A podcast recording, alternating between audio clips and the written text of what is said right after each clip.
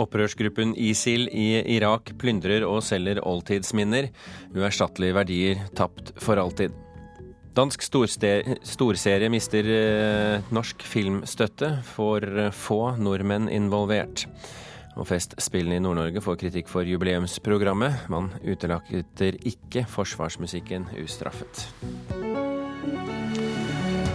Og så skal vi se nærmere på Nasjonalmuseets eh, Kittelsen-utstilling i anledning jubileumsåret. Ikke hans mest kjente bilder, kanskje, men Kittelsen på sitt mest briljante, mener vår anmelder. Hun kommer i studio om ikke så veldig lenge.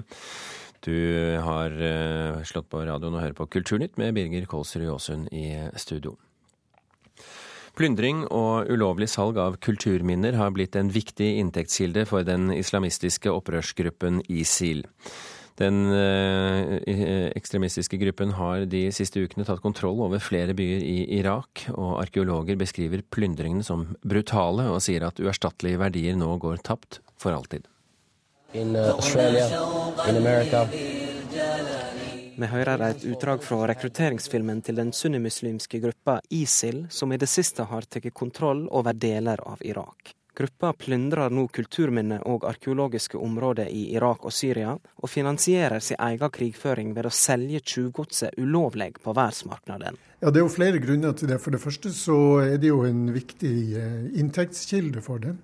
Og så er det en annen sak som jo er veldig foruroligende med ISIL, og det er jo at de ser ut til å være en en sånn ideologisk eh, ekstremistgruppe som kanskje også er interessert i å ødelegge kulturarv, rett og slett fordi den strider mot deres religiøse synspunkter. Det forteller konservator ved Norsk Folkemuseum og aktiv i vern av kulturarv i krig, Leif Pareli. Irak og Syria ligger i området der det gamle Mesopotamia lå, ofte omtalt som menneskeætta si vogge. Området har en svært stor tettleik av kulturminner og arkeologiske funnareal, som nå er i fare. Det er dypt, så dypt tragisk at man har nesten ikke ord for dette, her, og det er uerstattelige kilder til kunnskap som går tapt. Det sier professor i arkeologi ved Universitetet i Oslo, Christopher Prescott. Han karakteriserer det som nå skjer som brutalt og irreversibelt. Det raserer våre muligheter for, å, for, for eh, kunnskapsproduksjon vi kommer aldri til å kunne erstatte den kunnskapen som er uh, tapt på denne måten her. Og man har knapt skrapt, skrapt i overflaten når det gjelder uh, å få vite hva som har skjedd. Det er viktige spørsmål om vår artshistorie. Det kommer vi, med den plyndringen kommer vi i mindre og mindre grad noensinne til å få svar på. Og det er ikke første gang at terrororganisasjoner og opprørsgrupper plyndrer og ødelegger kulturminner.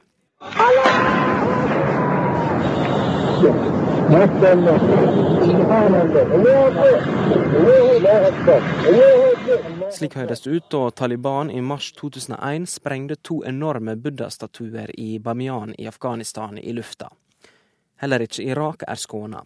I april 2003 ble mer enn 3000 gjenstander borte under plyndringa av Nasjonalmuseet i Bagdad.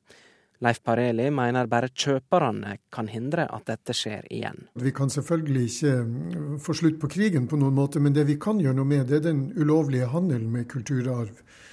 Fordi, For å si det veldig kort, så er det slik at hvis det ikke var noen kjøpere, så ville det heller ikke være noen grunn til å spa ut og, og plyndre for å, for å skaffe ting til den ulovlige handelen. Vi skal ikke lenger enn til våre naboland før vi finner eh, store og kjente auksjonshus og antikvitets- og kunsthandler osv. Som eh, til dels har eh, blitt grepet i å selge ting som har en svært tvilsom fortid. Det sa Leif Pareli, og reportere her det var Lars Ivar Nordahl og Runa Rød.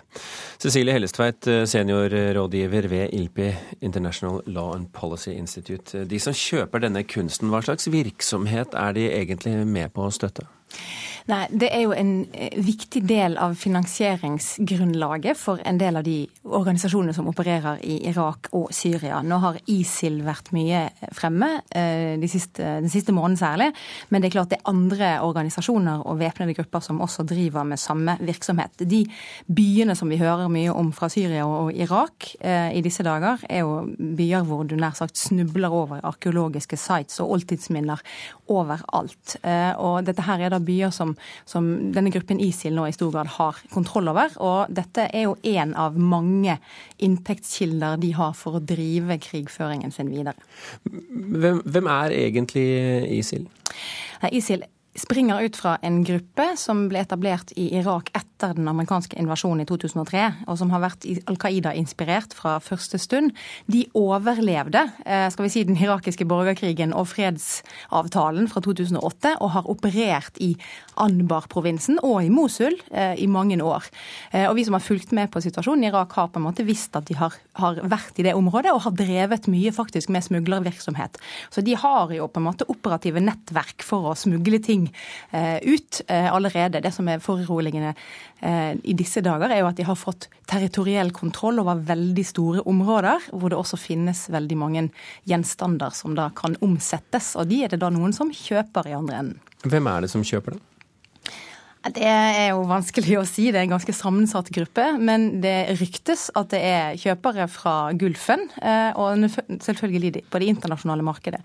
Det som er paradokset i, i denne situasjonen, er jo at det at disse gjenstandene har en høy pris, gjør at de blir omsatt. Men det at de eventuelt da ikke kan omsettes, vil samtidig gjøre at de kanskje kommer i enda større fare for å bli ødelagt. For som det ble sagt her, så er jo dette grupper som kanskje ikke har samme interesse i å bevare disse gjenstandene eller områdene som det kanskje andre eh, organisasjoner ville hatt.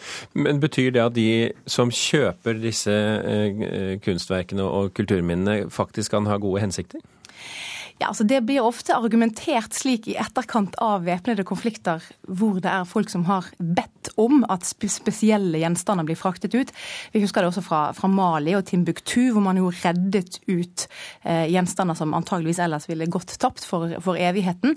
Eh, og med denne type grupperinger som ISIL er, så er det nok det er et paradoks altså, at det å frakte en del av de gjenstandene som kan fraktes ut, faktisk er med på å bevare de snarere enn å, å, å ødelegge det. Men det er klart her er det en forskjell mellom arkeologiske områder, nei, eller arkeologiske sites og gjenstander som faktisk kan fraktes ut, og kanskje når krigen en gang er over, kan eh, returneres til, til Irak og Syria.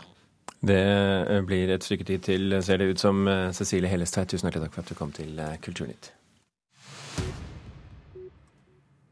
Historien om Bill og Hillary Clinton er blitt eh, musikal og skal settes opp under eh, musikalfestivalen i New York i juli. Musikalen Clinton handler om parets politiske og personlige utfordringer. Den er eh, tidligere blitt satt opp til stor jubel i Skottland og England, og nå gjenstår det å se hvordan amerikanerne selv mottar denne musikalske vrien på politikken.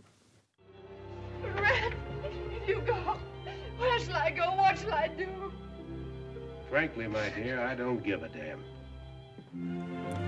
Ingen vet hvordan det gikk med Scarlett O'Hara og Rett Butler, kjent fra storfilmen 'Tatt av vinden'. Selv ikke forfatteren av boka som filmen er basert på. Det avslører nå personlige brev fra Margaret Mitchell, som auksjoneres bort i USA denne uken. 'Tatt av vinden' ble utgitt i 1936, og bare noen måneder etter utgivelsen svarte forfatteren på spørsmål om historien videre. Jeg tenkte ærlig talt aldri på hva som skjedde med figuren etter at boken sluttet. Auksjonen ender på torsdag, og det er allerede budt mer enn 20 000 kroner for disse brevene.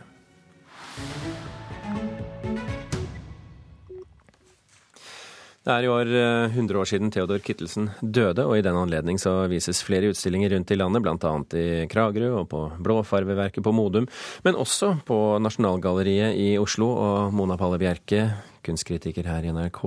Selv om dette er en svært kjent kunstner, skal vi likevel dra de nødvendige informasjonene om ham? Ja, dette er en usedvanlig viktig kunstner i norsk sammenheng. Han er jo kanskje mest kjent som eventyrillustratør. Og man sier jo gjerne at han sammen med Erik Wernskjold har skapt bildet av hvordan trollene ser ut. Og slik sett har han jo vært med å formgi deler av folkefantasien og liksom vår, vår, vår bevissthetsverden. Så det er ganske sterkt.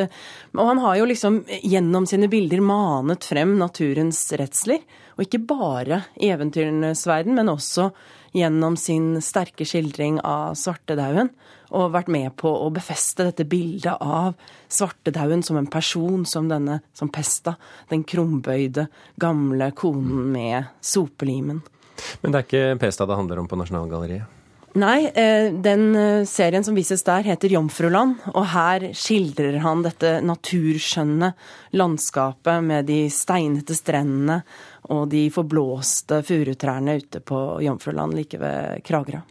Men, men, eh, det skulle jo da tenkes at det også var eventyrskikkelser her, men er det det i denne utstillingen? Nei, i denne utstillingen så er det på en måte naturen og landskapet der ute som står i fokus. Og, men alltid når Kittelsen skaper sine bilder, så er det jo ladet med noe trolsk. Han har man, Om man ikke ser skogens folk eller de underjordiske, så fornemmer man at de likevel er der mellom trærne. At de er usynlige, at eh, naturen er befolket både i hans mørke, nattsvarte skogstjern med lysende, hvite vannliljer, i hans fantastiske måneskinnsbilde, hvor man ser denne mørke, mørke skogen og eh, kontrastert av det sterke måneskinnet som maler en vei av sølv på den stille fjorden. Men så har han dette at eh, han også lager så sanselige bilder med sin da skraverende tegnestil. Dette er jo tegninger og akvareller kombinert. da. Og eh, han på en måte lokker naturen frem foran våre øyne på arket. Og vi får liksom nesten føle at f.eks. et bilde som bølger bryter mot stranden, så kan du høre dønningene, og du kan høre, kjenne suset av trekkfuglene i luften. Også i et annet bilde som, eh, som, heter 'Steinete landskap', så hører du liksom klukkingen, den muntre klukkingen av vannet rundt uh, de runde rullesteinene. Og man kan også kjenne duften, disse duftmøtene da mellom eh, elvevannet og Lyngen, og da havet langt der ute med tang og blåskjell. Men var han f.eks. en så god akvarellmaler som han var tegner? Han var, han var, som oljemaler var han slett. Eh, når han malte med olje på lerret. Men både i arbeid med tegning og akvarell så var han helt briljant. Og jeg mener jo at denne serien her er eh, Kittelsen på sitt aller beste. Hvor han virkelig han har denne myke, skraverende stilen og med disse florlette akvarellstrøkene oppå. Han, han, han, bodde jo forskjellige steder i landet, og alle synes jo å ha en liten Kittelsen-utstilling. Eh, Nasjonalgalleriet valgte Jomfruland. Er det et bra valg? Jeg syns det er et veldig bra valg, fordi dette er en serie som Den er jo overhodet ikke ukjent, men den er allikevel ikke så kjent liksom i de brede lag av folket, for dette er jo en veldig folkekjær kunstner, så de viser på en måte en litt eh, ny side av Kittelsen som ikke bare handler om troll, men som likevel har denne trolske, på en måte ladede naturmystikken i seg, som vi kjenner fra Kittelsen. En bra markering? Jeg syns det er en veldig bra markering. Mm. Eh, hvis man da vil heller se troll og den slags, så tar man altså turen til Blåfarveverket på Modum, for der er det eventyrmotivene i stor grad eh, henger. På Nasjonalgalleriet ser du utstillingen til 7. september. Tusen hjertelig takk, eh, Mona Palleberg, for at du kom til oss i Kulturnytt i dag. Klokken er 16 minutter over åtte. Du hører på Kulturnytt, og dette er toppsakene i Dagsnytt nå. 177 syriske flyktninger har blitt sendt ut av Norge siden borgerkrigen startet i 2011. Grotesk, mener Amnesty. Sosiale medier brukes av menn for å lete opp kvinner som har søkt tilflukt på krisesentre. Og alternativ behandling må kvalitetssikres, mener Forbrukerrådet. Norsk Filminstitutt har trukket tilbake millionstøtten til den danske TV-serien 1864. Serien med Jakob Oftebro i hovedrollen er Danmarks største TV-seriesatsing noensinne, og handler om den eh, dansk-tyske krigen. Serien fikk i fjor to millioner eh, i statlige filmkroner av Norsk Filminstitutt, men fordi det er for få nordmenn involvert i produksjonen, får ikke filmen norsk støtte likevel.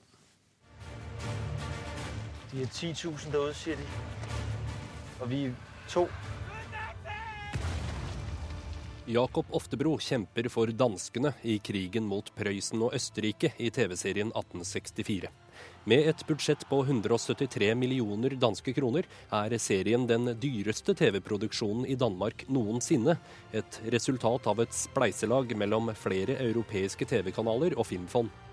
Norsk Filminstitutt bidro i fjor med to millioner kroner mot at produsentene forpliktet seg til å bruke norske filmarbeidere. Det var i utgangspunktet snakk om et ganske betydelig norsk, norsk andel, som ble veldig redusert når, etter at prosjektet kom i produksjon. Det sier avdelingsdirektør i Norsk Filminstitutt Sveinung Golimo. Selv om produsentene hadde planlagt å bruke bl.a. norsk komponist og norsk klipper, er hovedrolleinnehaver Oftebro den eneste nordmannen som bidrar i serien. Derfor har Norsk Filminstitutt trukket støtten. For å få penger til en koproduksjon, så må det være et visst norsk bidrag. Og når det bidraget endrer seg, så, så er ikke det de samme premissene som vi vurderte søknaden ut fra. At det tyske forbund og Prøysen har erklært Danmark krig. Vi hilser dem! Det norske filmselskapet Sine Nord skulle samprodusere serien med danske Miso-film.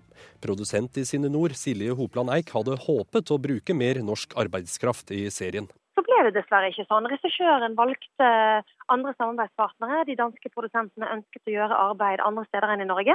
Og Derfor så var det heller ikke lenger naturlig at eh, de da skulle få støtte fra Norsk Filminstitutt, og, og at vi skulle være koprodusent. Så det, det var synd. Man skulle ønske man kunne vært mer med i denne omgang, men men Norge ble altså da ikke så aktivt med i denne produksjonen. Du er så skideklok! Ja, jeg er den klok! Du varmer musklene! Selv om produsentene mister to millioner statlige filmkroner fra Norge, får ikke det noen store konsekvenser for serien som skal sendes på TV 2 til høsten. TV-serien handler om den dansk-tyske krigen i 1864, da danskene kjempet mot Prøysen og Østerrike om kontrollen over hertugdømmene Slesvig og Holstein. Jakob Oftebro spiller bondesønnen Laust, som verver seg til krigen. Og som eneste nordmann i serien gjør han et svært godt inntrykk, mener Silje Hopland Eik. Altså, Jeg har kjempetro på Jakob Oftebro i den rollen. Han eh, ser helt fantastisk ut og spiller meget godt. Så det tror jeg vi kan være stolt av å ha en nordmann i, i en av hovedrollene i 1864. Reporter her, det var eh, Halvor Haugen. I dag starter Risør kammermusikkfest. Festivalen har holdt på i 24 år, men sliter, i likhet med andre kammermusikkfestivaler, med å lokke til seg yngre publikummere. Og det vil de nå gjøre noe med. Med spesialdesignede pallemøbler, egen pub og konserter sent på kveldstid, så håper festivalen at også unge med interesse for klassisk musikk skal finne veien til Risør. Her vil de få oppleve Eh, litt mer samtidsmusikk. Litt mer eh, ikke bare samtid med moderne musikk, men ikke så veldig mye romantisk musikk. Det er ikke ungdom så veldig glad i. Per Erik Kise Larsen er sjef for Risør kammermusikkfest. Så dette er en sånn litt seint på kvelden-opplevelse i en blanding av eh, litt, litt, godt drikke og god stemning og samtale og musikk ved siden av. Så ikke en helt vanlig konsertform. Mer, mer pubstemning, egentlig.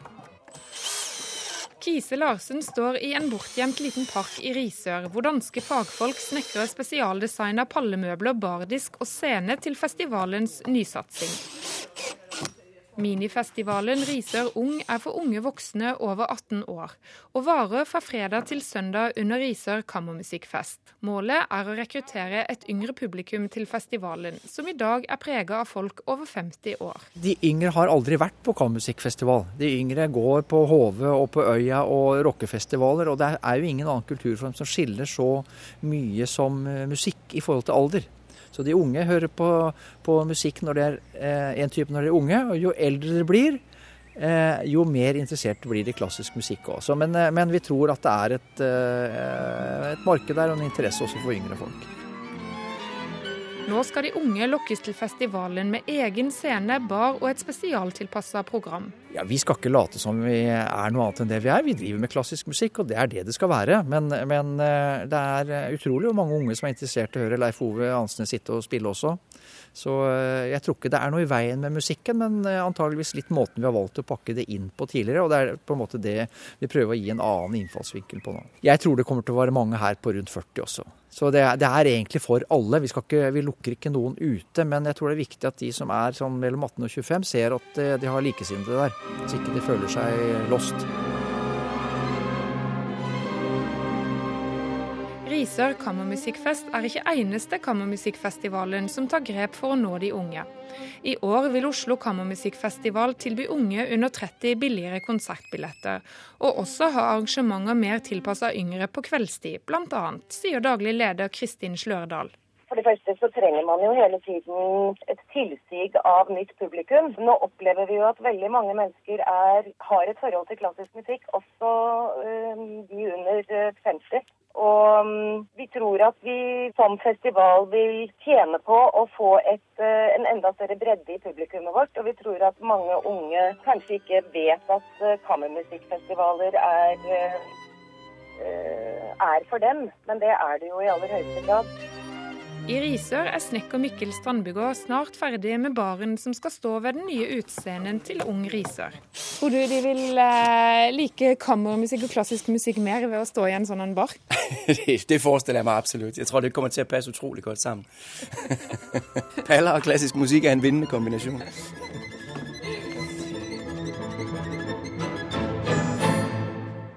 Risør kammermusikkfest åpner i dag og varer til søndag eh, førstkommende, 29.6. Reporter her det var Miriam Grov. Øystein Sandvik, eh, musikkritiker her i NRK. Hvorfor må egentlig kammermusikkfestivalen få tak i yngre publikummere? Det er klart at De klassiske musikkfestivalene, i likhet med alle andre institusjoner som driver med klassisk musikk, har et godt eh, voksent publikum. Eh, og skrekkscenarioet er jo at dette publikummet er det samme som går igjen år etter år, og som da til slutt vil slutte å komme av naturlige årsaker. Sånn at man må hele tida sørge for at det er en nyrekruttering til disse konsertene for at man skal kunne berette i sin egen eksistens. Da. Er det sent program, på palle, stoler og øl som skal til? Altså, det, er ingen, det, er ingen, dårlig idé å løse opp eh, konsertformen. og det er klart at det er, eh, Noe av det viktigste er, er å sørge for at de barrierene som holder eh, andre aldersgrupper ute, forsvinner. ikke sant? At det har noe med selve konsertformen å gjøre. Det er for høytidelig, det har med lengden å gjøre, det har med tidspunkt å gjøre. Men til syvende og sist så er det jo innholdet som er det viktige her. og Derfor er det viktig at de klassiske musikkfestivalene for det første fortsetter å satse på kvalitet, men at de har blikk for det innovative. da. Eh, og endringen innenfor den klassiske musikken vil jo da eh, først og fremst handle om nyvinninger innenfor feltet selv. Altså Festivalene kan gjøre veldig mye rart for å lokke yngre mennesker til. Men, eh, men, endringen må på en måte komme innfra. altså Det må være noen klassiske musikere eller komponister som gjør noe nytt. Da, som gjør at denne musikken fremstår som samfunnsrelevant på en ny måte for et bredere publikum. Ja, det er kanskje dårlig gjort å spørre deg om det, Øystein, men hva kan det være at de skal gjøre? Nei, det er ikke godt å si, men altså, jeg tror kanskje at uh, skillet mellom uh, f.eks. komponist og utøver, da, og også verk og fremførelse, er noe jeg vil se at kommer til å løses mer opp uh, fremover. Dette blir litt sånn gjetninger fra min side, men jeg tror kanskje det. Men altså, er, det, er det et mål i seg selv at de skal prøve å være kule, liksom? Altså, det, er jo, altså, det, er, det, er, kanskje en litt, spesiell, litt spesielt krav. Eh, det er jo ingen som forlanger at eh, Øyafestivalen eller HV skal ha egne konserter spesielt retta mot eldre. Men, men, det er jo tross alt en kulturpolitisk målsetting at den klassiske musikken skal nå ut til mange. Og da er det viktig at man eh, på en måte i så langt så det lar seg gjøre, prøver å fjerne de barrierene da, eventuelt som holder de gruppene ute. Tror du Riser er på rett vei? Jeg tror at Risør satser litt for mye på form og litt for lite på innhold. Altså er, man er veldig opptatt av å plassere musikken inn i en ny sammenheng, men man, man på en måte profilerer ikke tydelig nok hva det er som skal presenteres på disse, disse konsertene. Så de må ha noe mer eh, de må ha noe mer ordentlig innhold å vise til for å lokke disse unge publikummerne til konsertene, tror jeg da. Øystein Sandvik, takk for at du kom til oss i dag. Vi skal holde oss litt eh, til eh, i dette området rent kulturelt. Eh, fordi historieløst, sier kritikerne om programmet når Festspillene i Nord-Norge feirer sin 50-årsdag. Festspillene får kritikk for å være for dårlig markert i bybildet, ha for dårlig innhold, være for lite tilbakeskuende. Men kanskje verst av alt, for ikke å ha det tradisjonelle Forsvarets musikkorps på programmet. Vi er utrolig mange som er dypt skuffet over det her. Astrid Stordal er en av flere harstadværinger som ikke er helt fornøyd. Da de 50. Festspillene åpna lørdag, var det et tradisjonelt innslag som mangla. Fra oppstarten av Festspillene har Forsvarets musikkorps Nord-Norge, eller Divisjonsmusikken som de kalles, vært en bærebjelke. I år var det kun trommeslagerne deres som var i aksjon under åpningsarrangementet. Jeg er veldig skuffet, fordi det er et jubileum, 50-årsjubileum, og da syns jeg det skulle komme tilbake litt på det vi har hatt før. At det er jubileumsfest eh, vises Eh, ikke. Litt lite tilbakeskuende, kanskje. Kulturjournalist Børge Hoseth i Harstad-tidene har tidligere gått hardt ut mot Festspillprogrammet. Han savner både det retrospektive og det nyskapende. Og han mener det er historieløst å utelate divisjonsmusikken. Det er ikke akkurat å pisse på festspillhistorien, festspillhistorien og divisjonsmusikken, men det er ikke pent gjort.